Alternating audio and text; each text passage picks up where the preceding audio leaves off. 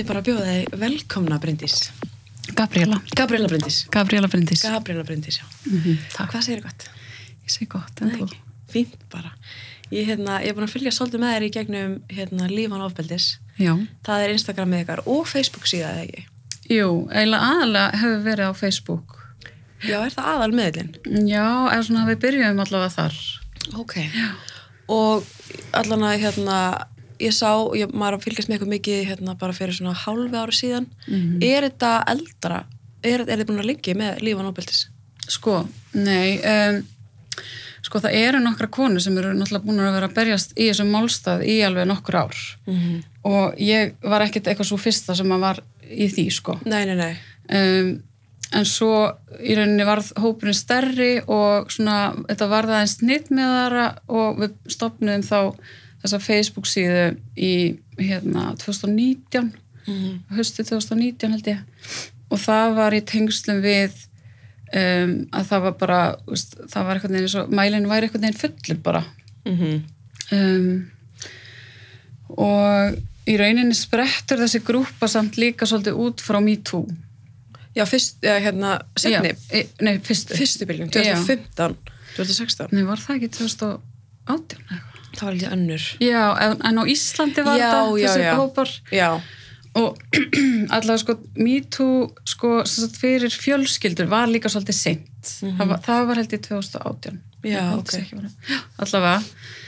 Og þar sem börn eru involved og, já, það sem að þetta, í rauninni sko sáhópur samastendur af veist, öllum sem hafa lent í uh, ofbeldi, þessast konur sem hafa lent í ofbeldi maka Mhm. og síðan kannski börn sem að hafa lent í ofbeldi á hjálfu hérna, fóreldris þannig að það var, er þetta aðalega konur, Já. konur og börn, já, ok.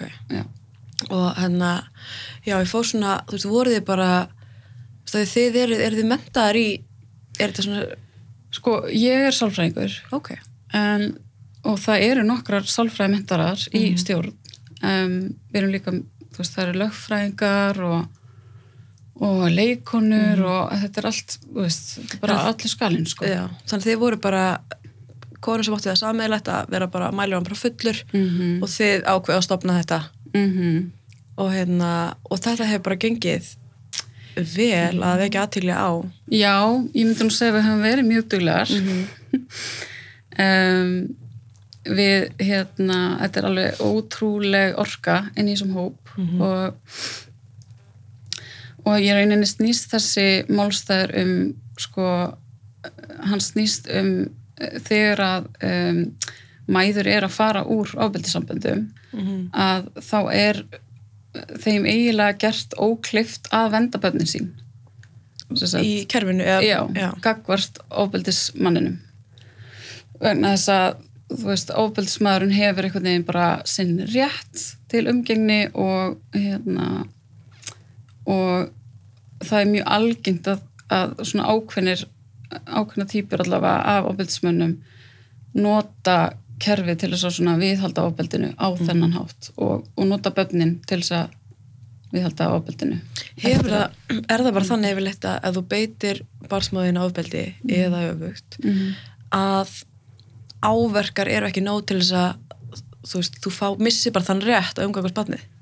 Einmitt, það er ekki, ekki, ekki nema vonu og spyrjir, sko, þú veist, að því þetta er kannski það sem að fólk heldur líka, að börn séu bara vendu fyrir ofbeldi á Íslandi og það sé bara, þú veist, það sé bara gripið inn í og bara tekið utan um þólendur og eitthvað svona. Það er bara, eiginlega, bara alveg mjög, mjög langt frá því eins og staðinu núna. Og svo er það líka alltaf, þú veist, að því að maki er kannski ekki endilega að beita barnið í, í sömu tilfellum kannski ekki vera að beita barnið ofbeldi Mhm. en kannski vera að beita ofbeldi fyrir fram er vera Já, kannski sem að eru þetta, það er barnavendalega brot að gera það. Um, og það eru þetta ofbeldi gagvart barninu skilur að mm -hmm. en svo er það líka bara um, merki um að viðkomandi einstaklingur sé bara kannski ekki nægilega hæft foreldri skilur og það, en það verðist vera eins og að sé ekki nóg Nei. Þó að þú komir kannski með áverka. Mm en hvers vegna er það? Þú veist, Já, einmitt sko. Það er lung saga þarna baku í rauninni og þetta snýst rosalega mikið bara um um, svona ákveðna kvennfyrirlitningu og bara konum er ekki trúað og og það er alveg bara það er búið að búa til í rauninni bara svona hugsmíðar uh, kenningar í kringum sem sagt, þá mýtu að konur séu einhvern veginn alltaf eitthvað að leika sér að því að búa til einhverjar frásagnir um ofbeldi. Uh, og að þær síðan láti börnin líka uh, ásaka feður um ofbeldi. Og upphálega var þessi kenning sett fram sagt, til þess að útskýra af hverju börn voru segja frá kynfyrirsofbeldi föður og þá var það að því að veist, mamman var svo geðvik og, og þetta var bara svona í alvörunni það var ákveðin geðlækn sem að setja þetta fram. Og þetta er bara í alvörunni búið að vera nota gegn konum og börnum í bara áratugi út um allan heim. Mhm. skilur við að ef barnið segir frá að það hlýtur að hafa verið mamman sem, sem var að segja við barnið að, já, mm já, einmitt, en, en og að mamman sé bara geðvik skilur við, og að barnið sé að ég reyni að halda eitthvað svona heilkenni bara mm.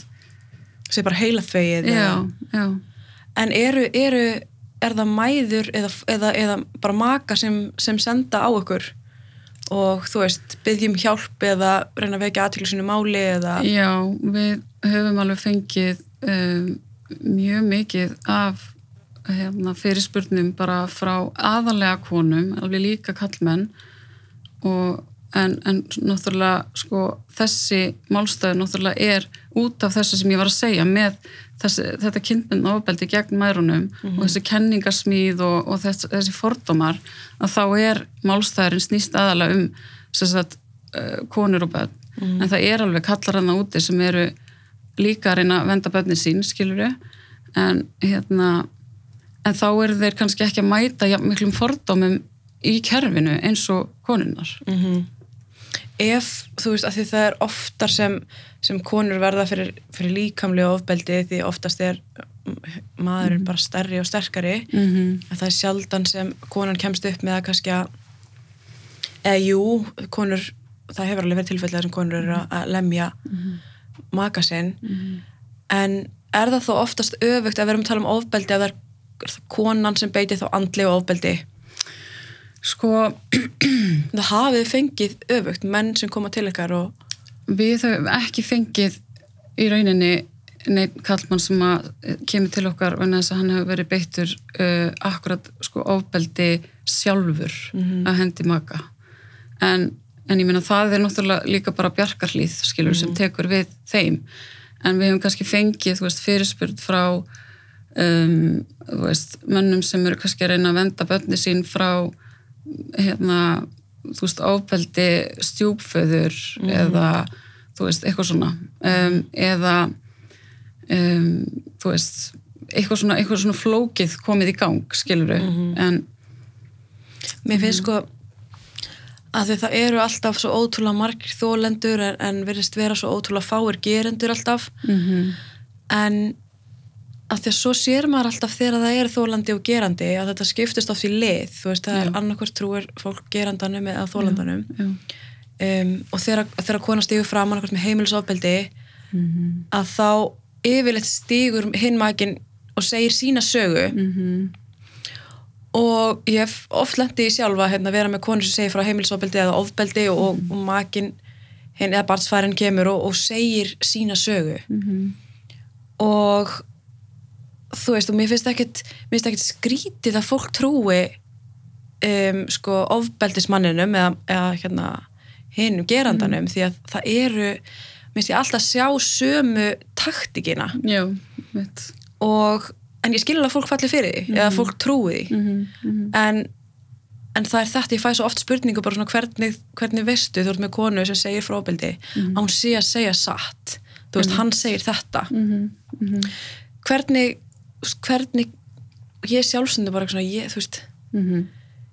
já, ég, þú veist, ég get ekkert vita það 100% Nei, akkurat sko. en það eru samt við erum samt alveg við vitum samt alveg taktík mm ofbeldismanna. Já, já, og það er alveg verðt að, að, hérna, að tala um það hverja svona Mhm. og ég sá um þetta á Instagraminu hjá ykkur þið talið mjög mikið um þú veist narsisisma og, og gaslýsingu og sem við erum að sjá hjá ofbeldismönnum mm og bara sama uppskriftin hjá flestum. -hmm. já, og er það ekki alveg þú veist, er það ekki alveg valid, þú veist, er þetta ekki alveg jú. hugmyndafræði sem er til? Já, sko uh, úst, máli með sko uh, máli með mennina sem eru sko gerendurnir í þessum málum sem við erum að tala um -hmm. þeir eru mjög oft uh, með einhvers konar persónleika bresti Mhm. sem að eru kannski til dæmis eins og narsisismi um, og jafnvel eru líka bara siðblindir þannig að þeir hafa ekki bara þennan narsisismi heldur líka bara hafa, fá bara eitthvað út úr því að meiða sko. Mhm. en þannig að eru við erum í alveg að tala um bara svona the worst of the worst í þessum málum sko Mhm. en uh, þú veist, fólk verður svolítið að hafa í huga að kynbendi ofbeldi er til veist, og það er eitthvað sem við þurfum bara að gera ráð fyrir, það er engin bæjas í því, það er bara raunveruleikin skilur við, það er bara það er miklu líklara að konur verði fyrir ofbeldi að hendi maka heldur en kallmenn bara, það er bara staðrind, skilur við og uh, þú veist, við erum með hvenna öll út um allan heim og það er ástæða fyrir því, skilur við þannig að, að sko við, ég veit ekki, veist, við, við getum ekkert vita af hverju þetta er svona. Veist, það er auðvitað alls konar kenningar um það. Náttúrulega toxic, hérna, karlmennska og þú veist, sumir halda að þetta sé bara eitthvað í eðlinu eða eitthvað, skilur Mhm. en þú veist, hver svo sem ástæðan fyrir þessu er þá þurfum við að gera ráð fyrir þessu Mhm. skilur við þetta er bara vandamál. Við getum ekki slefti að bara horfast í augu við þetta. Mhm. og þannig að sko, en ég skil mjög vel að fólk trúi gerendum, en þess að þeir eru með oft þeir eru kannski ekki með góða tilfinningastjórn en þeir eru með góða sjálfstjórn þegar þeir vilja hafa það. Mhm. þannig að þeir geta þeir eru oft sko sína narsisisman ekki neitt gagvart til dæmis vinum sínum. Þeir eru, þú veist, og það er í rauninni ákveðin taktík að bara þú veist, vera búin að finna sér vini sem að þeir sem eru ekki ógnandi við þá eru bara svolítið svona lojal Mhm. og þetta er svolítið svona þess að þeir séu bara búin að grúma með sér fullt af fólki Mhm. til þess að geta síðan setna nota gegn þólendum sínum Mhm. skilur við Er, já, einmitt. Ætl, er þetta þá eitthvað svona, þú veist, er þá eitthvað svona ómeðvitað en þú ert kannski, er kannski bara svona í persónleikaneinum, að þetta er bara hvernig þú spilar lífið einhvern veginn. Einmitt. En, en hvað, þú hvað er að vera þegar stundum þegar maður, þegar fólk, þegar fólk lesi um narsisma, ég held að það geti allir tengt við einhvers konar toxic trait hjá sjálfum sér, Mhm. bara einhver Mhm. og, og fólk er oft hrætt við að þú veist, ég hef oft fólk er svona, þú veist, er ég narsismi, þú veist, hvað er narsismi, þú veist akkurat Mhm. en, en ég held að sjálf staðrind að það eru allir með einhvers konar Akkurat, sko, narsisismi er í rauninni í sjálfu sér bara eiginleiki. En svo getur maður verið með persónleikaröskun sem að er um, alveg svona þá þarfst að uppfylla ákveðin skilirði þú þarfst að vera með alla þættina af rasisma, þú veist og þú þarfst að sko, þetta þarf að vera að fara að hamla þér verulega í lífinu og í samskiptum skilur við þannig að, að en narsisismi er í rauninni sko bara, þú veist lýsingarorð. En narsisisk narsisísk persónleikaröskun er í rauninni sko þá þarfst að vera með, þú veist, lélega tilfinningastjórn þú þarfst að vera rosalega upptökin af, þú veist, eigin, eigin ágæti. Og þú þarfst, þú, þú ert rosalega svona yfirborskendur, þú ert svona upptökin af gáfum og, og fegurð og, peningum og frægð og og þess vegna eru til dæmis fullt af veist, leikurum í Hollywood og svona eða veist, fórseti, bandaríkjana til dæmis, þú veist mm -hmm. narsisistar um, af því þeir eru bara svo ofbáslega fókuseraðir á því að vera bestir einhvern veginn Mhm. og en að þeir bara helga lífinu sinni það og er einhvern veginn bara að trana sér framhalstaðar svolítið um, og síðan er þetta sko að þú veist vera með lélega sam, eða litla samkend hvert öðrum, eða svona samúð og innlifunarhefni Mhm. þannig að þeim er oft svolítið svona sama um hvernig öðrum líður. Kannski ekki alveg, ekki þú veist, þið geta kannski alveg fundið stundum, sko. Mhm. en en hérna, verið kannski góðir þegar þeim hendar já. og svo ekki. Já, og svo er þetta, þú veist, þetta entitlement, þú veist, ég, ég veit aldrei neitt gott íslenskt orðið yfir þetta, þetta er svona kannski tilætlunarsemi en samt me meira, þetta er meira svona, ég er betri en allir aðrir og þess vegna eiga allir að þjóna mér og ég var meiri rétt en aðrir, einhvern veginn. Mm og, þess vegna geta narsistar verið bara ótrúlega vondir við aðra geta verið það, þeir geta líka sínt sko vinum sínum og svona opbúslega góða hlið og jafnvel alveg svona ykt góða mm og þeir geta verið alveg dyrkaðir af vinum sínum. Af því að þeir eru svo góðir við vinið sína og, og alveg bara gera þau greiða hægri vinstri og opslar hressir og, og sjarmerandi.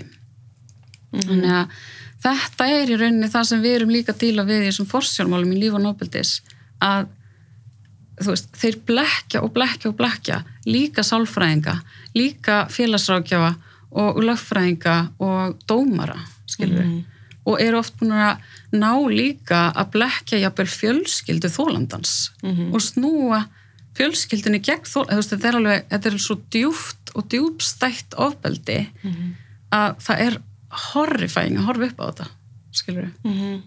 og þegar þú segir að þá ég held að sé bara yfirleitt þannig að, konur sem tala við mig um heimilisofbildi að það er yfirleitt þannig að fjölskyldan er með gerandanum í leiði eða Já, sko bara, svona, svo- bara stendur með honum? Mm Sko það er náttúrulega hræðilegt en þetta getur alveg gerst. Þetta er alls ekki sem betur fyrir ekki alltaf þannig. En, en oft sko fyrst þá eru fjölskyldunar ekki að skilja alveg hvað er í gangi sko.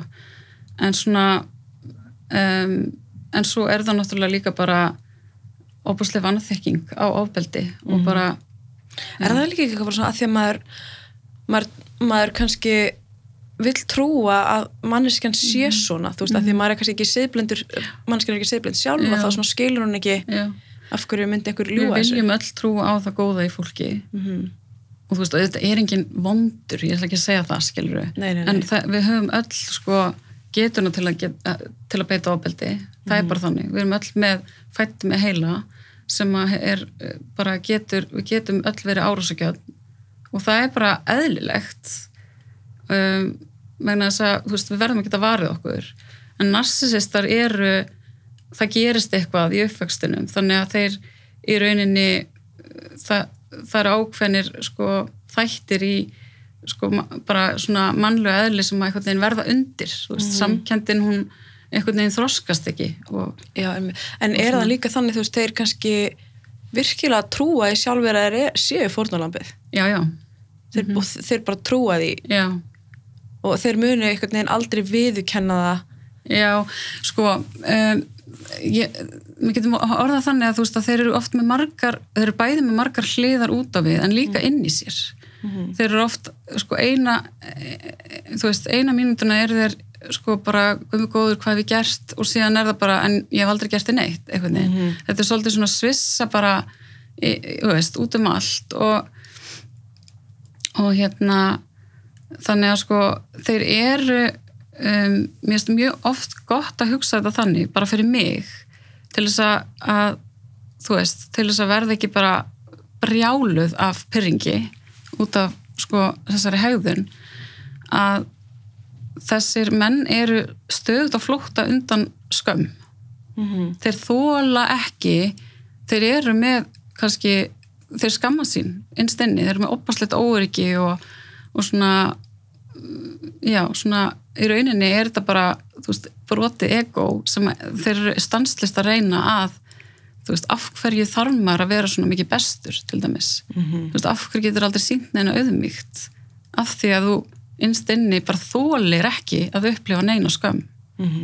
Skilur einmitt þeir bara kom, gera allt til þess að koma í veg fyrir að einhver Já. sjá eða þeir skammi sín eða Já, svona, eða sjáu bara að þeir séu öðruvísi Já. eða, eða tilheyri ekki þeir upplifa, þeir hafa örgulega ekki fengið allt sem þeir þurftu til dæmis, þú veist, Mm. í æsku það er alveg þannig oft, sko og er, er ekki hérna því að núna finnst mér svo margir vera að upplifa eða sko kynna sér þessi orð narsisismi, gaslýsing og fólk er svona þú veist hérna, bara hefur að lesa þessa grein, hefur að séð þetta og þá svona, se- opnaði greina þá er ofta eitthvað svona what is narcissism? Eða gaslighting og fólk er svona uppgötað þessi orð. Já, og er að lesa sér til og, og, hérna, og er einhvern veginn bara svona að fatta að þetta er raunverulegt þing. Mhm. og er hérna, narsismi og, og hérna, gaslýsing eða gaslighting Mhm. tengt, þú veist? Já. Um, sko fólk getur nota gaslýsingu á þess að vera narsisistar, bara svo það sé sagt. Og eh, hérna þú veist, örgulega höfum við öll einhvern tíman gaslýst að einhver leiti, þú veist, við erum ekki alveg tilbúin til að viðkynna hvað hefum gerst, skilur við en narsisistar nota gaslýsingu bara eiginlega út í eitt og lífið snýst bara um það.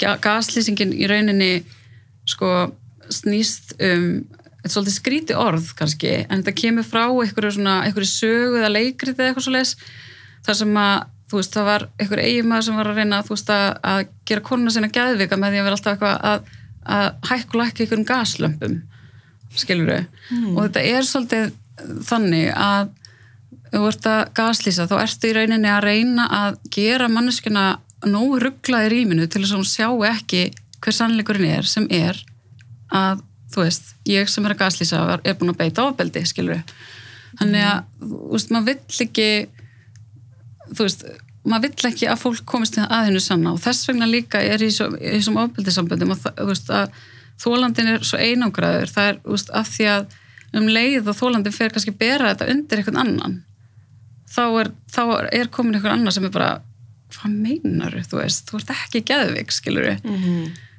og, þannig, og þetta vill ofbeldismæðurinn ekki. Hann vill bara hafa þólandan einangran og síðan byrjar alltaf veist, þessi gaslýsing þetta andla ofbeldi er rosalega mikið þú veist. -hmm. og, og svona kannski banna maka sínum að tala um erfiðleika við annað fólk. Svona þetta er bara já, okkar. það væri alveg algjört nóg-nóg sko. Mhm.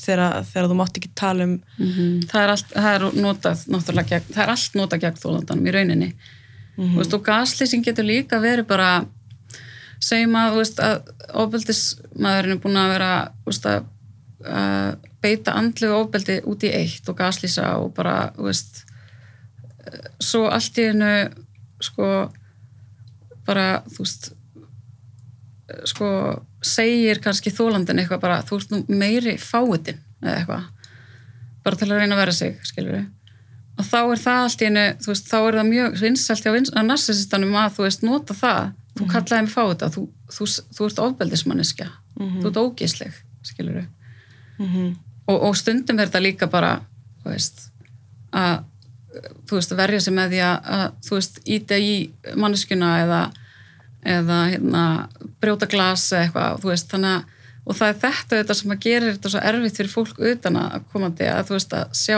hvað raunverulega átt sér stað í sambandinu. -hmm. að því að þú veist, og það er þessuna sem þetta er svona þetta he, he said, she said skilur við, já, já, já, Já. akkurat. Ég að því að sko, ég hef oft heyrta þegar fólk er að tala um, já, en hún gerði nú þetta líka og hún, hún alveg brjálaðist þarna einu sinni og hérna öskarað á hann og, og rauk út og skellti hörðum og, já, en þá fyrir maður að hugsa líka veist, er, þetta er auðvitað er held ég eðlilegt, sömur kannski bara frjósa og hérna segja ekki neitt og bara verða hérna taka ofbeldinu öðruvísi. En sömur kannski svona hvað segir maður, bara svona lash out eða bara svona, þú veist, oft er það samt bara svona last resort skilur við, þú veist, það kemur ekkit veist, fyrst er náttúrulega bara sjokkið skilur við, bara, guð, hvað er að gerast þetta en þú veist, það getur alltaf komið að því að maður reyna að verða sig einhvern veginn, þú veist segja eitthvað eða, eða bara brjálist missi stjórnarskapisinu eða, þú veist, einmitt. Já, láti bara svona tilfinningarnar líka hlaupa með sig í gunur og bara þú veist, verið samdöin einhvern veginn ofbeldina og öskra svo mikið á því að þú bara byrjar bara að öskra á móti. Og þá allt í hennu sko hef, e- getur maður alveg séð þannig að það er kannski nota gegn þólanda Já. þú veist, þú, þú ert líka alveg klikkuð sjá hérna með upptöku af þér þar sem þú Já. varst hérna að öskra á mig. Nákvæmlega, nákvæmlega. En er þetta, þú veist, ofbeldi í sjá, eða bara sjálfsvörn í ofbeldisamböndum er ekki þú veist, þú ert ekki seg eða segur Nei, meina, fólk verður náttúrulega að sko taka þetta aðeins út fyrir svega en þess að ef að við erum við erum öll með heila sem að, eins og ég segi, við erum færum árásagerni, við erum, við erum öll með þessar tilfinningar að eitthvað lengst inn í heilanum okkar. Mhm. og ef að við erum undir nógu miklu, miklu streitu þú veist, ef við erum í stríði bara raunverulega í stríði skilur að þá er heilin bara farin að virka öðruvísi skilur og maður er ekki endilega með raukhugsun skilur það er þess vegna líka sem það er svo erfitt að komast út úr þessum samböndum af því að það er stöðugt verið að sko um, sest, í rauninni örfa þessar streytutilfinningar með þessu ofbeldi þar að leiðandi dettur raukugsun út. Þetta er svolítið bara eins og við landum í bílslisi og allt í hennu munum við ekki númeri hjá neyðalínunni skilur að því raukugsun er bara dettur út þegar við erum í áfalli. Mhm. Finnst bara alltaf svo sorgleitið með þegar maður, að- þegar maður er að tala svona um ábyldisambund og hver er ábyldismæðurinn og, og, hérna, og allt þetta. Þegar fyrir maður að setja í samingi því mann sjálfarlega þegar ég var yngri að hugsa hérna, einhver sem var beitt einhvern ábyldi hugsa já en hún er nú bara líka klikkuð, hún gerði þetta. Mhm. þú veist þetta er svo svona pla- hérna implanta í mann sko. Já, já, en þú veist, bara svona munur þarna milli að vera í ofbeldisambandi, að beita ofbeldi á móti í vörn eða verja sig Mhm. að einhvern veginn svo gerandin sé búin að sko segja þér það nógu oft að þú beittir ofbeldi líka Mhm. þannig að ég á rétt á því sem ég gerði já þetta er mjög klassist sem er ekki rétt eða þú veist Mhm. náttúrulega, og þess vegna fá þessi sambönd oft stimpil að þau séu bara stormasum Já. þetta sé ekki ofbeldisamband, þetta er bara stormasamt samband og eitthvað erfitt og eitthvað svona og þú veist þetta er bara mjög rótgróni fordómar sem að þarf bara að uppræta. Og sérstaklega þegar við erum að tala um að það eru börn í spilinu þetta er bara við erum, við erum bara bugast í alvörinni þú veist, þetta er bara, bara hvert máli á fætur öðru þar sem er bara allt í gaslýsingar ruggli og þú veist ég meina til dæmis bara að því að spyrja með sko forsjá, þú veist, missir maður ekki bara forsjá okkur missir maður ekki bara forsjá þegar maður beitir ofbeldi, skilur um, það er bara mjög langt frá því að vera þannig. Um, veist, það þarf að fara í að stað, þú veist, alveg bara dómsmál og bara hérna, einhverju fagaðilar og alls konar eitthvað sem að er, kemur oft ekkert vel út fyrir þólandan um, hérna og meiri segja, þú veist, þegar þól, móðurinn er komið nálgunabann á ofbeldismannin þá er það ekki að fara að stoppa umgirnina við barnið, sko. Veist, en, og við Já. vitum það alveg að nálgunabann er ekkit auðvelt að fá á Íslandi. Skilur þú þarft að vera með það er bara mjög, veist, það er bara mjög erfitt að fá nálgunabann á ofbeldismenn. Er hérna að því að minnst við alltaf vera að tala um réttur rétt feðra og rétt maðra þú veist hver á réttar um barni en, en hver er réttur barnsins í, öllum, í öllu þessu? Mm að þú veist að vera í svona aðstæðum það sem er börn finna alveg fyrir -hmm. hérna, þú, veist þó að sé ekki ofbildin í herbygginu þá finnur alveg fyrir. -hmm. og þá fer maður bara eitthvað svona að hugsa hver, hver er réttu batsins, ég veit kannski að hérna, móðurinn á rétt á sjá og fæðurinn á rétt á sjá batni en Mm hagsmuna batsins í þessu öllu saman, hver er hann? Akkurát, sko. Sko lögin í rauninni, þau er alveg til staðar sko sem eiga að venda bönnin. Mm það er alveg, þú veist, skýrt í lögunum að bönni að vera vendu gegn óbeldi.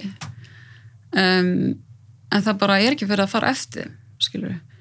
Og uh, það er, sko, þegar eitt fóreldri er í lægi og hitt ekki að þá er eins og þetta verði eitthvað stípla og eitthvað bara svona computer says no bara þú veist að þá bara einhvern veginn er kerfið bara einhvern veginn ekki að taka á málinu. Þá bara einhvern veginn er þetta sett í hendurnar á þú veist þólandanum að venda barnið. En samt er þólandanum líka gert það ókleift af því að það er verið að úrskurða og pína börn í umgengni við ofbeldsmenn Mm. Og hérna þannig að þú veist, það ætti náttúrulega bara að vera þannig að, að það ætti að vera miklu, miklu um, hvað ég segja miklu meira gert ráð fyrir því að þegar það er búið að beita sko maka ofbeldi að þá sé eitthvað verulega mikið að manneskinu sem beitir ofbeldinu og, og þessi manneski sé ekki kannski, henni sé ekki treystandi fyrir uh, umgengni skilur við en þú veist, það bara er ekki þannig sko. Mhm. þú veist, bara hérna sem dæmi bara hérna veist, mál sem ég mátti segja frá er hérna um, sko móðir reynir að venda tvær dætur sínar fyrir sko kynferðsóbeldi föður. Og þú veist þess að þær hafa lendi því í umgengni og það er rauninni er sko þær fara í barnahús, segja frá og uh, það er bara mjög skýrt og barnahús gefur út skýrslu bara, veist, það er bara skýr frambörður bara fagaðilar sem að hérna, skrifa læknisvottorð upp á að þær séu bara með áfallastræturöskun og alls konar og svo bara fer þetta inn á borð hjá síslimanni og mér er þess að, þú veist, ég vil láta mamma sem er forsjá, skilur síslimaði bara já uh, móðir þarf að tala vel um föður og heimilinu og það er bara rosalega leitt að sjá hvað hefur gerst hérna. Og þá er verið að meina sko Kynferðisofbeldi. nei, bara að mamma er búin að heila þú skilur Já, þá snýrist bara síslimaður við. já, bara snýr öllu við bara og trúir ekki framböru barnana í barnahúsi og bara þú veist, þetta er bara hræðilegt Mhm. skilur Hvað var bönni gömul? sko þegar þessi úrskurður var þá veist, orðin eitthvað eh, allavega yfir tíu ára Mm -hmm. en samt, þú veist uh, þú veist, ofbeldi, ofbeldi gerist bara mörgum, mörgum árum áður en það var samt ennþá, þú veist, að segja frá þessu skilur við En af hverju er það, af hverju getur bara einhver, einhver hérna síslimaður út í bæ ákveðið hvort, eða þú veist, Já, einmitt. Þetta er bara svolítið í ólestri. Það er eiginlega bara þannig. Þú veist, þessi mál eru, þú veist, allt sem að fer í gegn hjá síslimanni um, á að vera faglegt, en er það ekki alltaf. Um, og það eru ákveðni einstaklingar þar sem eru litaðir af þessum kenningum sem ég var að tala um áðan mm og sem að úrskurða sig bara út frá sinni eigin hugmyndafræði og, og hunsa bara, þú veist, frambyrði að batnahúsi -hmm. sem er náttúrulega hræðilegt. En veist, og það er ekki, við erum búin að vekja aðtöklu á þessu, það er ekkert gert. Skilur við þetta er bara, það er bara hunsað, eða það já já, og þetta er náttúrulega þetta er bara eitt dæmi af bara, þú veist, mjög, mjög mörgum. Og bara, þú veist, bara þannig að maður er bara mjög lýsandi fyrir ástandi í þessum málum að það er, gögnin hjá síslimanni eru ekki ofinber það er ekki hægt að sækja upplýsingar neitt auðveldlega um, þú veist, hversu mörg börn voru pindi á umgengni við ofbeldismenn og eitthvað svona. Um, það, hérna það var hins vegar gerð einhver rannsóknum fyrir einhverjum áratug síðan á, fyrir sérst áratugin þar á undan Nei, ég man ekki alveg, þetta var alltaf, nei, þetta er kannski, þetta, er- nei, þetta er eitthvað svona, segjum, þetta er kannski eitthvað tíman eftir 2000 Mhm. í tíu ár, þá var hérna eh, bara aðtöðað hversu mörg, margir úrskurðir sem voru feldir hjá síslemanni þar sem að fóreldri var bara neitað um umgengni. Það var einn úrskurður á tíu árum, skilur af bara, Já, náttúrulega mjög mörgum, skilur við að tala um bara yfir hundrað? Já, bara miklu fleiri, skilur og það var einn úrskurður um, að Mhm. um að neyta fóröldur um umgengni. Já, hvað þarf þá liggja fyrir maður spyr sig, skilur við. Þannig að, það virðist vera eins og það þurfi bara eftirleitsmyndavilar inn í húsinu einhvern veginn. Ég sko, ég held, þú veist, að bara eins og við sjáum erlendis að þá er náttúrulega það er bara al- alveg að gerast reglulega að börn eru myrt skilur við, af um, feðrum. Það er auðvitað, mæður geta alveg myrt börnin sín líka, en það er að, yfirleitt aðeins öðruvísi ástæður að baki. Það er yfirleitt meira svona kannski bara í gæðrófi eða eitthvað svoleiðis. En það er að gerast reglulega erlendis að að hérna að börn eru myrt í nákvæmlega svona málum. Og, og þá er það í rauninu vegna að ábyrðismæðurinn er að missa stjórn að því að konun er farin og þeir eru að reyna að hefna sín skilur við eða reyna bara að ná stjórn með því að myrða veist, þetta er náttúrulega galið en þetta er bara staðrind Mhm. og náttúrulega líka konur konur eru líka myrtar líka hér á landi af maka, Já. þú veist. Eru það, eru það, er það, þú veist, konur eru myrtar hérna á Íslandi af maka. Mm -hmm. og er þetta bara svona mál kannski rata ekki náttúrulega í fjölmila eða? Jú, jú, en þetta er náttúrulega þetta gerist kannski ekki á hverju einasta ári en þetta er þetta er alveg reglulegt. Ég meina, held að það hafi verið tvö í fyrra að reynda kannski ja, annað er að var maki og hitt var sonur eða eitthvað sem að myrti konu. Um, en konur eru lang, sko, ef að konur eru myrtar þá er lang líklegast að það sé maki sem að eh, beitir þess að myrðir konuna. Og þetta er eitthvað sem að er til dæmis ekki gert ráð fyrir í forsjálfmálum og umgynnismálum við bönn, skilur Mhm. að þetta geti bara þú veist. Akkurat. Þess er, er einhver tengingar á milli þessa, þú veist segi, það er ekki verið að gera ráð fyrir svona alvarlegum aðstæðum. Það er einhvern veginn alltaf bara, já einhvern veginn vona að það leysist bara úr þessu. Mm -hmm. en eru er það, þú veist, er jafn líklegt ef þú beitir maka en ofbeldi að fyrir fram að batnið þitt eru einhverja lík er það ekki jafn, einhverja líkur á að þú getur þá meitt barn? Jú, sko það er náttúrulega bara rosalega alarming þegar að sko fólk er að beita ofbeldi gagvart öðru fólki yfir höfuð mm -hmm. um, en það er ekkit alltaf þannig um, en ég held ekki alveg samt sagt þú veist að einstaklingar sem beita ofbeldi í nánum samböndum eru með slaka tilfinningastjórn eins og ég sagði á þann þeir eru kannski með slaka tilfinningastjórn í ákveðnum aðstöðum í nánum samböndum.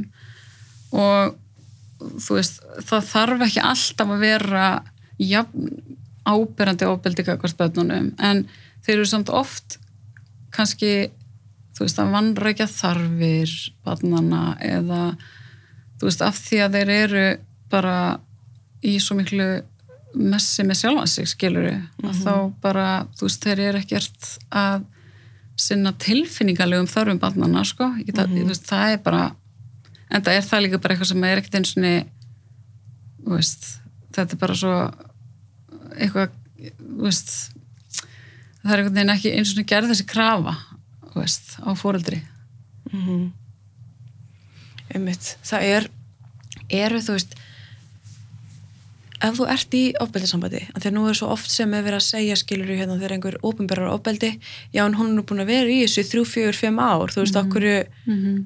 fyrsta skipti sem einhver beitið ofbeldi, okkur, okkur þú veist, ferði ekki bara mm -hmm. mjög góð spurning sko, já, góð spurning ekki að því að, að þetta sé í alverðinni svona óskiljanlegt, heldur vegna þess að þetta er svo oft eitthvað sem fólk skilur ekki en sko svo ég sagði á þann, þú veist, þegar maður er í óbildssambandi að þá er heilin ekki alveg að virka eðlilega, þú veist, þú ert bara í streyta ástandi og það er svolítið eins og ég sagði á þann með að reyna að, þú veist, mun eitthvað símanúmer þegar þú ert nýbúin að lendi bílsleysi mm. þú veist, að þú getur það ekki, skilur um, raukvöksunin, hún er kannski bara ekki alveg skýr þegar maður er í ofbeldisastæðum og þess vegna þurfa konur ofta að fara úr ofbeldinu alveg mörgum sinnum, reyna að fara frá þeim alveg bara svona í, ég held að segja meðaltali fara, eru það nýju skipti. Er svona þær fara frá þeim, koma aftur, fara frá þeim skilur og fólk skilur þetta ekki.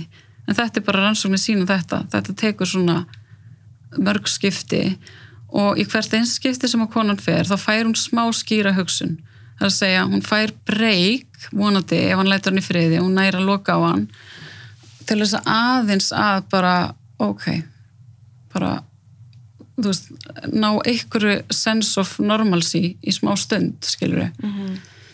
um, þannig að en svo er þetta líka það, þú veist að narsisistar, þessi ofbeldisambönd byrja oft svo ofbúslega mikil, það er svo mikil ást og svo mikil, svo dramatísk svona ástarjáttningarnar eru svo ofbúslega svona yf, yfirdrifnar þú veist, Já, þetta er ekki bara þannig að það er alveg líka áhægt að segja að það sé svolítið svona rautt flagg veist, í heilbriðum ástasamböndum og þá er það bara ég kann vel við þig, mér finnst gaman að vera með þér um, þú veist, þú ert falleg uh, ég elska þig. En í, en í þessum sjúku samböndum að þá er það bara þú veist, þú ert fallegasta kona sem ég hef nokkuð tíman sé á ævi minni og þú veist, engin kona sem ég hef nokkuð tíman verið með áður sem er kannski allar svolítið geðveikar eru, þú veist, að komast í hérna tæri við þig og þú nærð að láta mér líða svo æðislega. Mhm. þannig að þetta snýst svolítið um það líka sko. Og bara þetta svona love bombing bara, þú veist. þannig að það er svolítið erfitt líka þú veist, þegar það ofbeldi byrjar þá finnst konum oft eins og það sé svolítið að vera að fórna miklu með því að fara. Mm að því ástin er svo djúb einhvern veginn. Mhm. Þannig að þú veist það er kannski alveg í hálft árið eitthvað og svo byrjar svona ofbeldi kannski hægt og rólega. Mm -hmm. jafnvel byrjar bara með því að vera eitthvað svona aðeins að öskra og stjórna og Mm tala niður til og, -hmm. og svo svona þannig að lína henni kannski alltaf svona, svona smá að færast einhvern veginn. Já. Og mm en er þú veist ég oft heit sko já ok en þú veist fyrsta skipti mér- fólk er eigu svona línuna hjá líkamlega ofbeldi -hmm. bara um leið og einhver Já. lemur þig mm -hmm. að þá bara farðu Mhm. Hefur þið séð hann að Netflix-seríuna Made? nei, Ok. Þetta er svo nýjir þættir sem eru á Netflix og þeir eru opslega góður. Ég mæli með bara fyrir alla að horfa á þetta. Af því að það er mestuleiti bara andlet ofbeldi í hérna sambandi þar og, og svo mikið svona að vera að opna augu fólks fyrir því, þú veist að eiginlega, sko, öll ofbeldisambönd eru bara að mestu leiti andlegt ofbeldi. Og í rauninni þarf ofbeldismæðurinn ofta ekkert að beita líkamlega ofbeldinu uh, ef hann upplifur hann hafi stjórn með þessu andlega. Mm þannig að það er alls ekkert alltaf að þeir beiti líkamlega ofbeldi.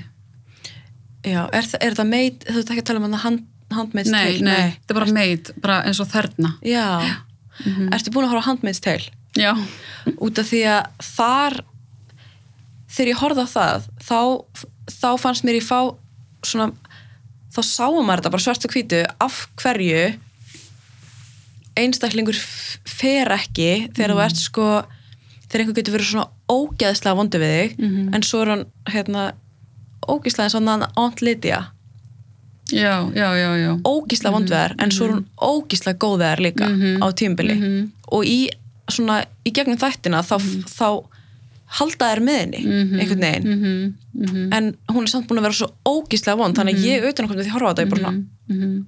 Já, akkurat. En þá er þetta svona trauma bonding eða eitthvað svona þú já, veist. já, og líka sko fólk heldur ofta ofbeldismenn séu bara eitthvað skrimsli og séu bara eitthvað þú veist, stjórnlaust að beita ofbeldi bara út í eitt heima. Þetta er ekki þannig, skilur þetta er uh, þú veist, þetta er líka rosa mikil tenging og, og tilfinn, sko, þú veist að ykkur leiti sko þá er þetta, veist, þetta er auðvitað bara manneskjur, mm -hmm. og þeir geta líka sínt ofbóðslega sterkar tilfinningar þegar þeir eru sorgi yfir ykkur án þess að þeir séu endilega raunverulega kannski að meina það þeir eru, veist, kannski nota það til þess að fá konun aftur, sko Mhm. en þeir eru alveg góðir í þessu, sko þú veist, Mhm. og auðvitað ef maður er með samkjönd, auðvitað þú veist, hefur þetta áhrif á mann Mhm. og maður vil kannski reyna að hjálpa mm -hmm. ábeldismannina með einhvern veginn, þú veist, ég get hjálpa hann ég skila hann svo vel, þú veist, ég reyni sem skila hann já það hann er reynir bara einhvern veginn búin að heila þó þig mm -hmm. þannig Mm -hmm. og mér finnst líka svona bara áhugavert þetta hérna þú veist, stelpur eru ofta að velta sig ef þú ert að velta þig fyrir, þú veist, er ég í ofbeldissambandi? Mhm. hvort að það sé ákveði svona raukt flagg að þú veist, mann er ákast ekki að líða illa einu sinni í viku, maður á ekki að þú veist, á ekki að vera að græta mann einu sinni í viku. Mm -hmm. þú veist, þú átt ekki að vera já. svona walking on eggshells, þú veist, átt ekki að vera tefla tánum. að sko. hvort að það sé bara nóg þú veist, mm maður hefur alveg sjálfur hugsað þetta í sambandi bara svona, er þetta nóg til þess að ég bara gefa allt upp bara því að Mhm. þú veist, að því að Mhm. gráta eitthvað hérna eins og viku -hmm, mm -hmm, núkvæmlega en svona í dag, mm þá hugsa ég alltaf bara svona, já, farðu, bara bara já, lífið já, já, auðvitað, auðvitað vill maður það skilur við Mhm. en, en það er líka mikilvægt þú veist, uh, ef maður er aðstandandi einhver sem er í ofbeldissambandi uh, ef vinkona er í ofbeldissambandi að þá skiptir líka máli að sína henni þólumæði og, og finna og sína henni ekki sko reyði eða, eða þú veist, fyrirlitningu fyrir að, að veist, koma sér ekki bara, drulla sér ekki út úr sig Mhm. að því að sko, ef að vinir og fjölskylda fara að snúast gegn þólandanum út af þessu, að þá er þólandi bara al einn eða einn bara fastur já, meira fastur. Og treysti sér heldur ekki til að koma og segja frá þegar þetta gerist aftur.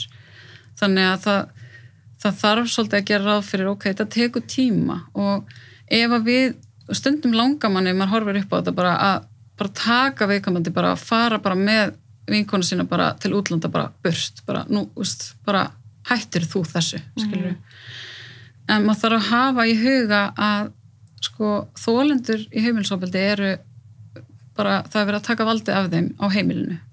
Það er ekki með valdi verið einn lífi. Þú veist, það er bara eitthvað sem stjórnar því. Og þannig að við sem að stöndum uh, utan við þetta megum ekki líka fara að taka valdið af þólandanum við þurfum að, að í rauninni þú veist, að halda aftur af þeirri sko þörf og frekar að að vera þarna til staðar þegar að viðkomandi er tilbúin Mhm. þannig að og hjálpa viðkomandi líka að tryggja öryggi sitt í þessum aðstæðum. Þannig að þegar maður horfir á vingunni sína að vera hérna í ábeldissambandi og hérna hún er að koma sér út, út aðeins og, en svo fer hún aftur. Mm -hmm. þá hef ég oft, oft verið í samræðum og, og heyrt að að fólk gefst upp og hugsa, æ, þú veist, hún fer bara alltaf aftur veist, Mhm. það er ekki hægt að veist, hún, hún lustar ekkert á mig. En, En, og það er líka, sko, þólendi kenna sér oft um þetta og eru bara, nú, ég er bara, ég er búin að klúðra þessu, sko, bara aftur farin og bara, þetta er allt ónýtt, ég var búin að byggja mig upp og svo er ég bara, þú veist, ég fell fyrir honum, ég fór heima honum innan nótt og bara nú er þetta allt búið og bara, þú veist, og það er mikilvægt að, að þetta er ekki þetta, sko, mm -hmm. þú veist, hvert skipti sem að þólandin fer í burtu, það er eitt skrif áfram, skilur, eða tvö skrif áfram kannski, Mhm. svo kemur eitt skrif aftur og baka þegar maður fer aftur, sko, þú veist, ég held að ég man bara upplega sjálfa þú veist, þegar ég verið ábeldsambanda þegar ég fór og ég bara sæði öllum vinkonum mínum bara þetta er bara ábeldi en svo fór ég aftur mm að þá upplegið svo mikla skömm að hérna mér fannst eins og þeim eins og ég hefði verið að ljúa -hmm. að það er hérna, svona já hún er röglega bara þú veist, hún sagði mér nú að hann hefði gert þetta en hún samt aftur, hún hlýtur nú eitthvað. Að þú veist að, að þá svona Ekki alveg samkvæm sam- sjálfur mér svona. já, svona maður vissi, þú veist, af hverju er ég að fara hérna aftur, ég er búin einhvern veginn en, Mhm. en samt er maður bara alveg Mm -hmm, mm -hmm. farin einhvern veginn í hausnum sko Mm -hmm. en það er þetta sem að sem kannski held ég líka eins og þú varst að segja, fólk skilji ekki, þú veist kannski af hverju fólk fer Mm -hmm. alltaf aftur og, og hérna Mm -hmm. og fólk eigi kannski svolítið að reyna að sína Mm -hmm. bara svona þólumæði Mhm.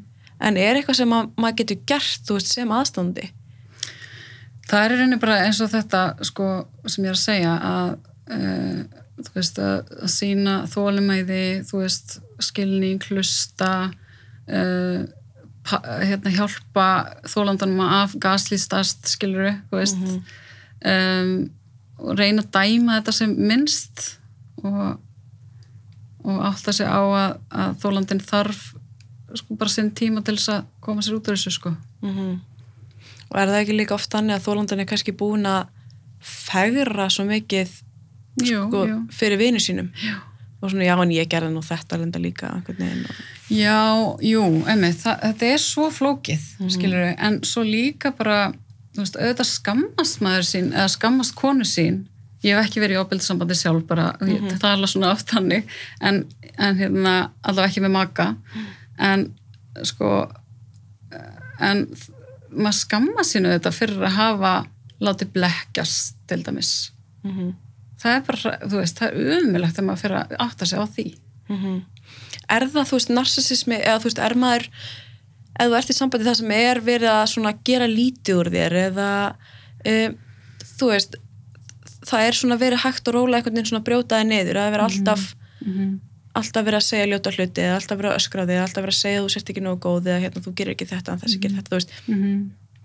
Sko þetta getur, já þetta getur verið þannig en, en oft sko sér maður líka narsisistar velja sér konur sem eru fallegar eða frægar eða ótrúlega klárar eða með doktorspróf eða og þú veist, það er líka svo óskiljulegt, þú veist, þegar svona, veist, utanafrá að bara, þú veist, svona klár kona, bara falla fyrir þessu skilur en þeir eru í rauninni að velja sér af því að þeir eru með þessa yfirborðsmennsku og opaslega uppteknir af einhvern veginn svona hlutum að þá velja þeir sér maka sem að svona reflektar einhvern veginn þessum hérna, eiginleikum á sig. Þannig að þú veist, að því hann vil vera svo æðislegur að þá velja hann sér konu sem er veist, einhvern veginn svona armkendi eða bara, þú veist sjáu þið, ég er hérna með þessari æðislegu konu hérna Mhm. sjá hvað kona mín er æðisleg og þeir tala oft líka svona við þú veist, þólandan sko Mhm. bara, ég, þetta er einmitt ótrúlega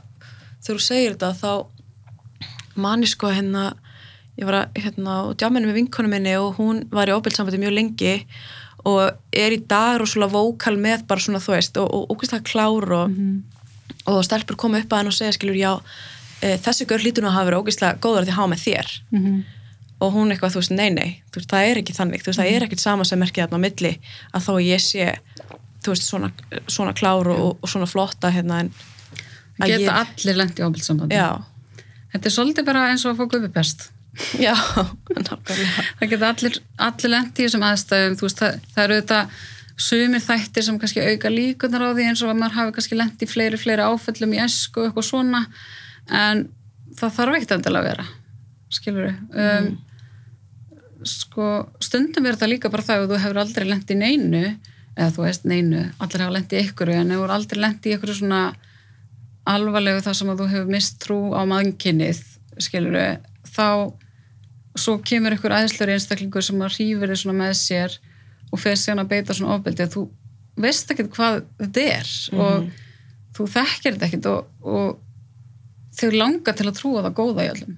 Það er líka málið, þú veist en svo kannski líka ágætt að nefna að veist, þessar einstaklingar sem eru með svona persónleikara sko, eru yfirleitt með áföll á bakinu og það þarf ekki endalega að vera eitthvað augljóst. Það getur líka bara verið, þú veist að uh, viðkomandi hafi verið kannski svolítið svona með svona svolítið uh, erfiða skapgerð sem barn og fólkarnir hafa bara ekki höndlað veist, tilfinningarnar og þannig að það í rauninni voru kannski ekki alveg svona örugt tengsl við, við fóreldri í æsku og þannig að sko, þetta er samt oft líka eitthvað sem að ofbeldismöðurinn notar, veist, ég er bara svona af því ég lendi í þessu og þess vegna má ég haga mig svona, en þú veist, við getum ekki við getum ekki afsakað okkur með einhverju svona, veist, við verðum að taka ábyrð á hegðun okkar já, áföll þau, þau gefa ekki leifi til þess að beita ofbeldi. Nei, en þetta er held ég líka mjög algengt. Ég hef oft heyrt þetta hérna,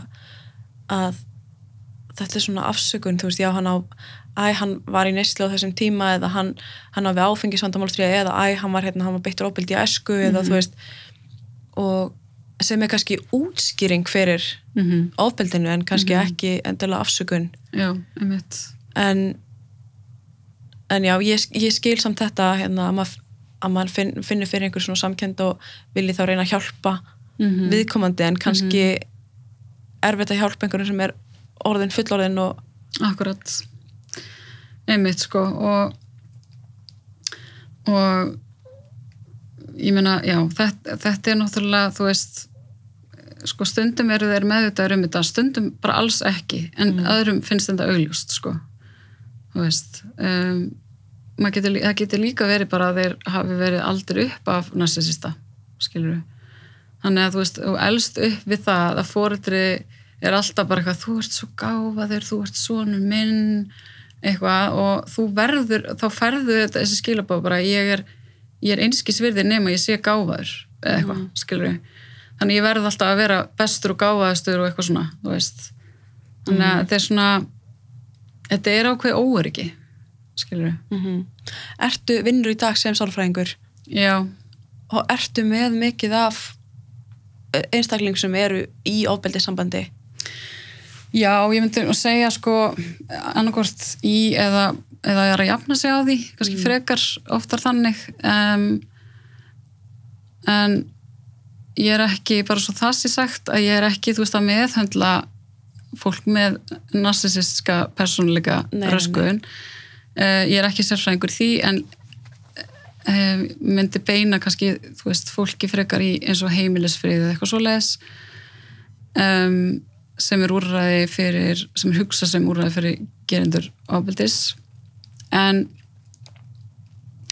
um, en svo er það samt líka þannig að þú veist að siðblindir narsisistar Mhm. þeir ef þeir fara til sálfræðings þá er það yfirleitt með eitthvað annað agenda heldur en að actually vinna í sér skilur við er erfitt að, þú veist getur maður séð á einstaklingi hvort hann sé þú veist, segblindur eða narcissisti uh, maður getur ekkert endilega að sé það neitt auðveldlega sko. Maður þarf átt alveg svolítið tíma og ég meina skilja lega, þú veist, að narsisista sína ekki þessa hlið, gagvart öllum sko. Mm -hmm. en sko ef maður hefur lært að þekkja þessi típu einu sinni þá er maður oft með svona ákveðin svona ratar og það er bara eitthvað tráma þú veist, eitthvað bara svona bara eitthvað tenging skilur bara í heilanum. En nei, en ég meina, þú veist maður getur auðvitað bara kynnt sér einkennin og eða er eitthvað í lífum hans sem að er vondur við mann. Að þá er þá er þetta mögulega þú veist, en gæti verið ástæðan. Og það þarf ekki endilega mist alltaf, maður tengir alltaf vondur við líkanlegt ofbeldi. Mm -hmm. en ef manni líður illa í kringum eitthvað Mm að þá kannski er það alveg nóg mikil ástæði til þess að -hmm. aðtuga bara hvað er þessi manneskja að, hver, þú veist, hvað áhrif hefur hún á mitt líf? Núkvælega en, en konur ertu, er það mest allt konur sem varst með í, í Við tölum, um, það er alveg allir gangur á því sko, en, jú, en sko konur eru líka bara miklu líklega til að fara til sálfræðing sem eru auðvitað algjör synd. Þannig að mm en þannig að þú veist ef maður, ef maður er með einstakling sem er í ofbeldisambandi er ám, er maður að segja viðkomandi að koma sér úr sambandinu þú veist, maður getur alveg kvart viðkomandi, þú veist, en, en gera það með samkend, skilur við bara, þú veist, hvað er best fyrir þig og hérna, við erum til staða fyrir þig og hérna, og þetta er ekki þér að kenna og þú ert ekki að gera neitt ránt og þú átt betra skili og eitthvað svona, þetta er allt mjög hjálplegt, en, en hérna, þú veist, en ekki fara að skammast í viðkomandi að vera að setja sig í hættu, heldur, þú veist, ef, ef að viðkomandi kýsa að vera í hættunni áfram, að þá getur maður hjálpa við komum að tryggja öryggi sitt. Og það getur til dæmis bara verið að, að vera bara með hérna bara svona þú veist einhvers konar þú veist flóttalið mm -hmm. skilur við, bara hvert ætlar að fara? Veist, hvernig ætlar að komast út? Mm Mhm. skilur við er, veist, er þetta kæra andlegt ofbeldi? Góð spurning. Sko ég bara er ekki eins og klára á því. Nei uh, ég meina þú veist það er náttúrulega er eitthvað gagvart bönnum sko. Mm en þú veist mjög ólíklegt til þess að að hérna enda fyrir dómi sko. En líka bara eða þú veist hótanir eru auðvitað, veist, það er ólulegt skilur við um, en hérna en ég hef alveg séð sko laurugluskíslur þar sem að þú veist, var verið að kæra fyrir líkamlegt ábeldi og þá var verið að yfirhefar líka um andlega ábeldið en Það þetta alltaf er líka eitthvað sem að, þú veist er svolítið bara dismissað í íslensku réttakerfi og um, ég held að þetta sé, ég held að sé hægt. Ég er, ég er ekki alveg klárað því en ég veit að þú veist að ég meina ykkur af þeim málum sem eru núna allaveg fyrir mannréttindadómstóli í íslenskum málum, þú veist, það er verið að gaggrina þetta. Að, þú veist, af hverju er ekki andlega ofbeldi, af hverju skiptir það ekki máli? Emmett, ég að því held, eða sko ég held svona fyrir, fyrir sjálfa mig ef ég hugsa, þú veist þetta sé svo ótrúlega margir að núti sem eru í, í andlega ofbeldssambandi en, en taka svo mikið svona bleim fyrir að þeir kannski taka þátti þú veist, maður það eru held ég fáir sem láta bara andlega ofbeldi allt yfir sig ganga án þess að svara einhvern tíma nokkur tíman fyrir sig eða, eða taka þátt. En, en þess, þú veist það er kannski alveg fínt fyrir fólk að vita að það er ekki, þú ert ekki sko, þú átt ekki jafn mikinn þátti þótt að þú svari fyrir þig. Já, og auðvitað er maður ofta ekkert á góðum stað þegar maður er í ofbeldissambandi, þú veist, þetta er oft endar með því að, veist, konur eru bara farin að drekka og fara í neyslu og eitthvað bara til þess að deyfa sig því að þetta er bara svo hræðilega og bara, þú veist, mm -hmm. streituvaldandi. Það, þú veist, og það náttúrulega líka, sko hérna, svona kemur ykkur hlið fram í manni þegar maður er veist, í þessu ástandi. Mm, og, hann, og gerandun mun líklegast nota allt þetta gegn þér, mm -hmm. þú veist, ég á þessa mynda er þess að þú varst að drekka og, og batna eitt og þarna, ég, ég með áverka þessu úr landið mitt tilbaka -hmm. eða, þú veist. Og líka það að sko þú veist, konur sem eru með börn með ofbilsmannunum, er að fara frá þeim þær eru oft í tómu messi með andlega helsuna sko. Þurfa því lítið að fara bara í endurhefingu, bara alls konar hérna bara, veist, úrræði. Og svo það nota gegn þeim, þær eru svo geðveikar mm -hmm. skiluru um, í, þú veist, umgengnis og fórsærdeilu mm -hmm. og þú veist, þess vegna finnst manni svo pyrrandi að sjá þessa umræðu um sko, minnst alltaf að ræða um hvernig við eigum að hjálpa gerendum en það það er svona svo hræðilegt sko þegar það er gert ofbáslega mikið mál úr því að þú veist, eitthvað gerandi sé ekki með öll forréttindin sem hann hafði áður sko um, þegar maður, þú veist, er að horfa á þólendur bara vera að berjast fyrir lífið sín og hverja minnst það degi sko mm -hmm.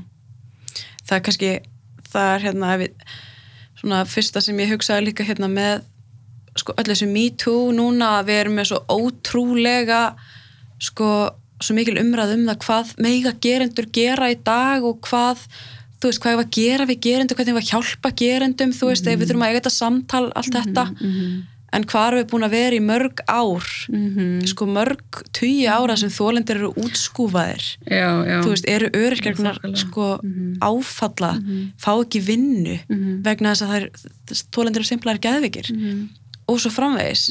Þannig að þetta er svo af hverju erum við að byrja hér? Mm -hmm. af hverju erum við að byrja samtali hvað hvað þau var að gera við gerendur? Já, já, akkurat. Þetta er svo surrealist eitthvað já, og ég minna gerendur geta leitað í sömu úrræðu og þólendur þeir bara gera það ekki mm -hmm. skilur, þeir geta farið til sálfræðings og farið í endurhefingu um, um, en þeir eru líka góður að koma mm -hmm. uh, í sviðslust og segja, skilur, ég, hérna, ég má ekki vera mm -hmm. þú veist, tónlistamæður lengur eða veist, ég má, mm -hmm. þegar ég má ekki vera leikari lengur Mhm.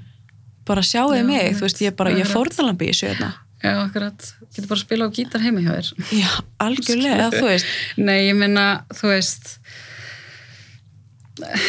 sko það er ekki, for, það er ekki mannréttindi að vera leikari á sviði eða Mhm.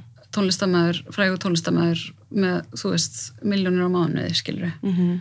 þú veist, það eru forréttindi sem að, þú veist, þólendur ofbeldis njóta yfirleitt ekki skilur Mhm. þannig að þú veist, ég hef ekki miklar áhyggjur af þessu sko. Og ég held að fólk ruggli sko, auðvitað eru kannski mannréttindi að fá að sækja um vinnu á atvinnumarkaðinu, en það er ekki mannréttindi að fá vinnuna þú veist, Nei og, og líka sko ég veist, þetta er alveg umræða sem alltaf veist, má alveg taka ef að þú veist, gerir það faglega með handleyslu hérna professionals sem að bara þú veist, það sem eru allar hliður, allum hliður með veldu upp sko á sama tíma. En eh, sko það, það, fólk þarf að gera sér grinn fyrir því að þú veist, þegar gerindur eru að fara þú veist, í sviðsljósið og einhvern veginn leika fórnalamb þú veist, þegar það verða ásakað á um eitthvað að þá eru þeir um, yfirleitt játa kannski bara svona brota brota því sem að þeir hafa gerst til þess þú veist, ekki til þess að actually að því að þeim finnist að þeir hafa gert eitthvað ránt eða actually eru eitthvað sorry yfir þessu, heldur bara þú veist, þeir eru að reyna að manipulera með því að viðurkenna eitthvað brótabrót þetta var bara svona pínu pínu pons Mhm. en svo er ég raunverulega fórnalambið hérna og ég er, þú veist, það er alltaf ég skilur ég, horfið á mig, þú veist, hvað ég á bátt og þú gerir þetta, þú hefur enga raunverulega samkend með þólindin þínum, skilur ég Mhm. en svo líka það að ef við ætlum að hjálpa gerendum um, er það hjálplegt fyrir gerendur að vera að, sko, að setja þeim ekki mörg Mhm.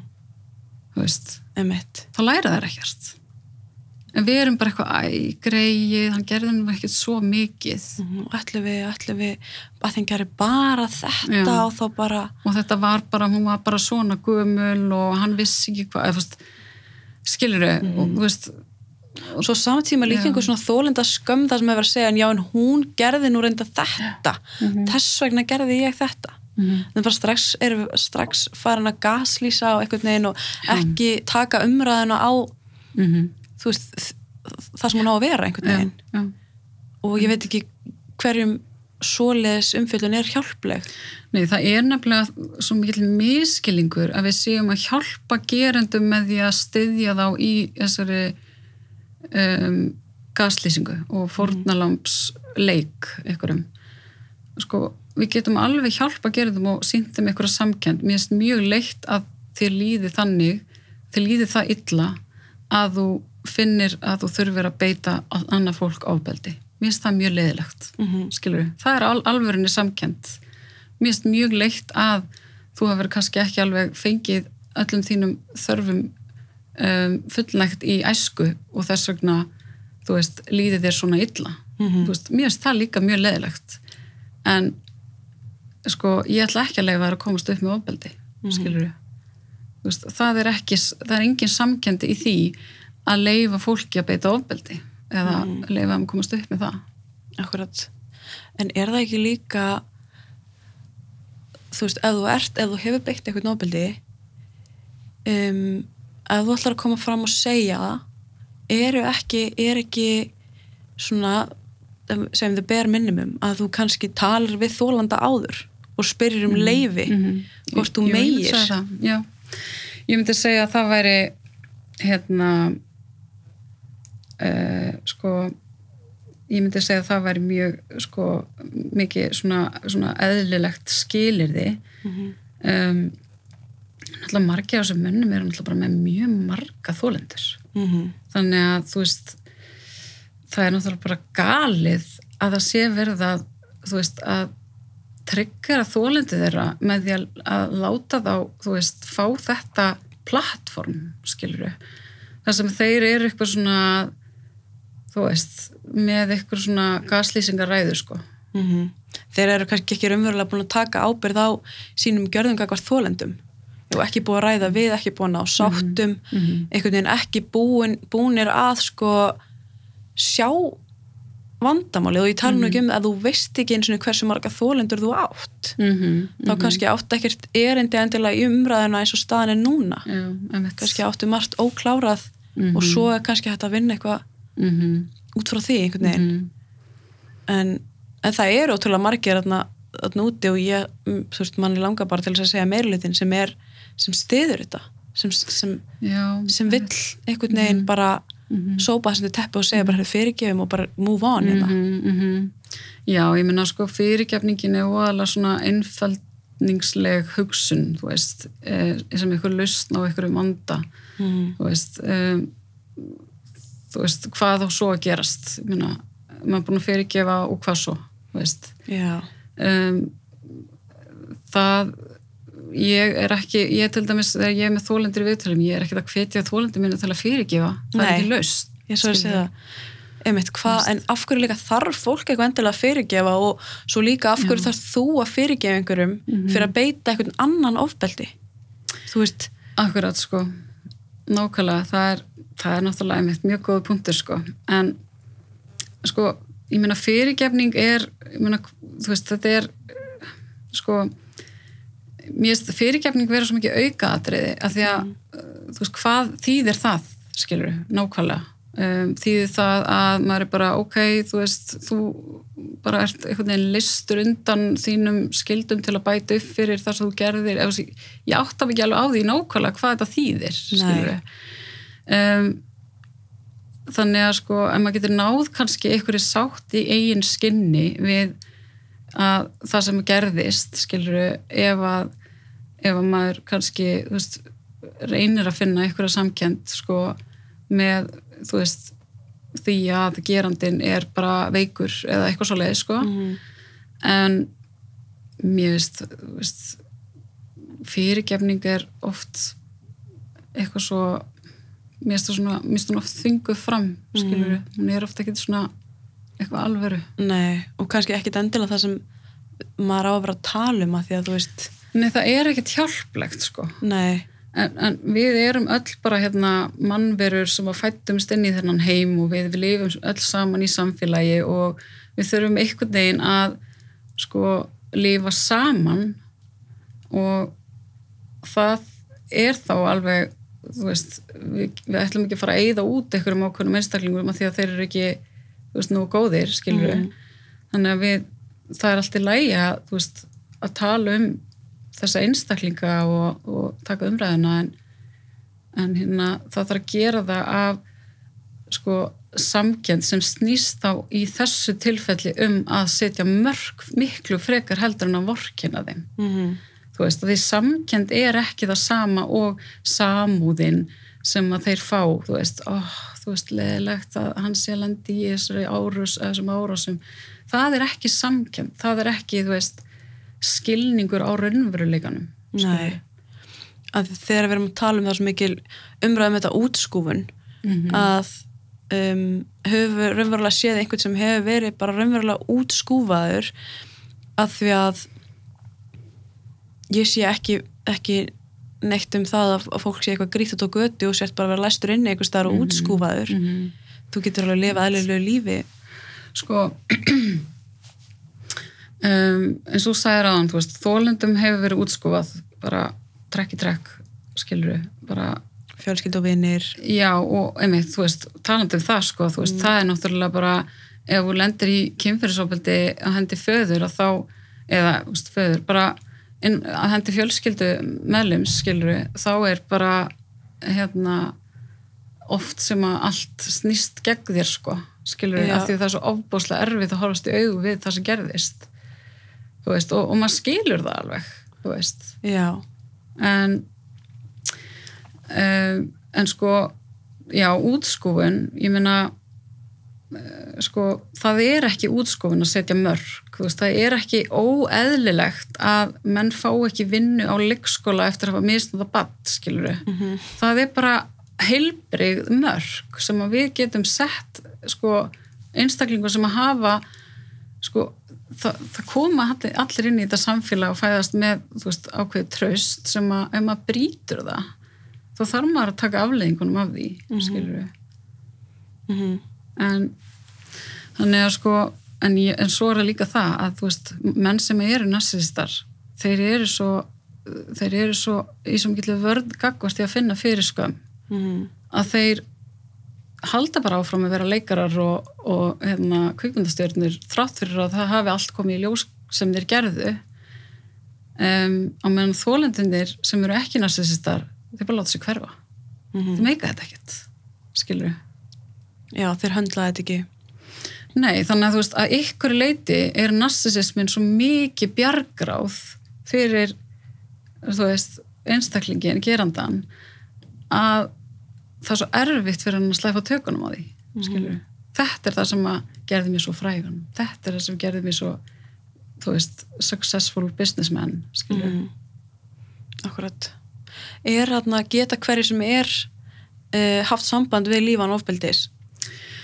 Já, við erum bara með sko, við erum með heimasíðu sem er lífanofbeldis.is og þetta er núna orðin félagsamtök um sem er þá í bóði fyrir konur mm. og uppkomin bönn um, eins og staðinu núna allavega og uh, það er hægt að senda okkur skilabóð það senda okkur e-mail í gegnum heimasíðuna eða skilabóð á Facebook en bara svo þannig að það sé tekið fram. Við erum með 0 krónur í fjármagn þú veist, og þessar konur sem að eru að halda þessu uppi eru náttúrulega bara vinnandi einstæðar mæður skilur og við erum alveg að drukna sko, mm skilur og hérna þannig að þú veist við kannski helst höfum aðstofað með bara, þú veist, hvað á ég að gera á, veist, á ég að senda batni mitt, eitthvað svona.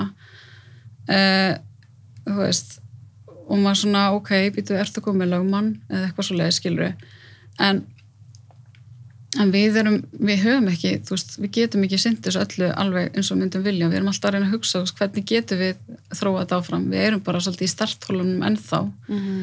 þannig að, að þú veist að ofbeldis, ef maður er bara í ofbeldissambandi þá er þetta kannski frekar þú veist, að fara í bjarkarlíð þar sem að er, þú veist, úrræði eins og hvenna atkvarfið, stígamót dregaslóð, þetta er allt saman í bjarkarlíð Mhm. og ég held maður geti líka fengið að tala við lauruglunum þar og, eða jáfnveg lögmann, ég er ekki alveg viss þannig að, Já, ok.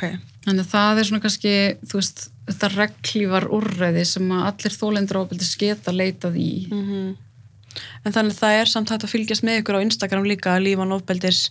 Já, lífan eruð. á Instagram og Twitter, við erum ekkert duglegar á öllum miðlum, sko, Nei. við bara reynum eins og við getum, en, en það er líka ágættis svona fróðleikur inn á heimasíðun okkar, þú veist, bara Mhm. um alls konar linkar og eitthvað svona, þannig að, Ok. þannig að ef að fólk er í þessari stöðu, að, þá er ágætt að kíkja ángað inn. Mhm.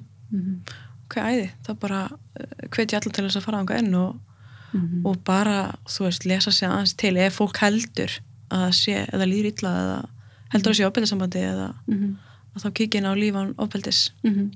Bara aðeinslega að hafa þig og takk aðeinslega fyrir að koma. Takk fyrir að bjóða mér. Minnsta máli. Alltaf velkomin.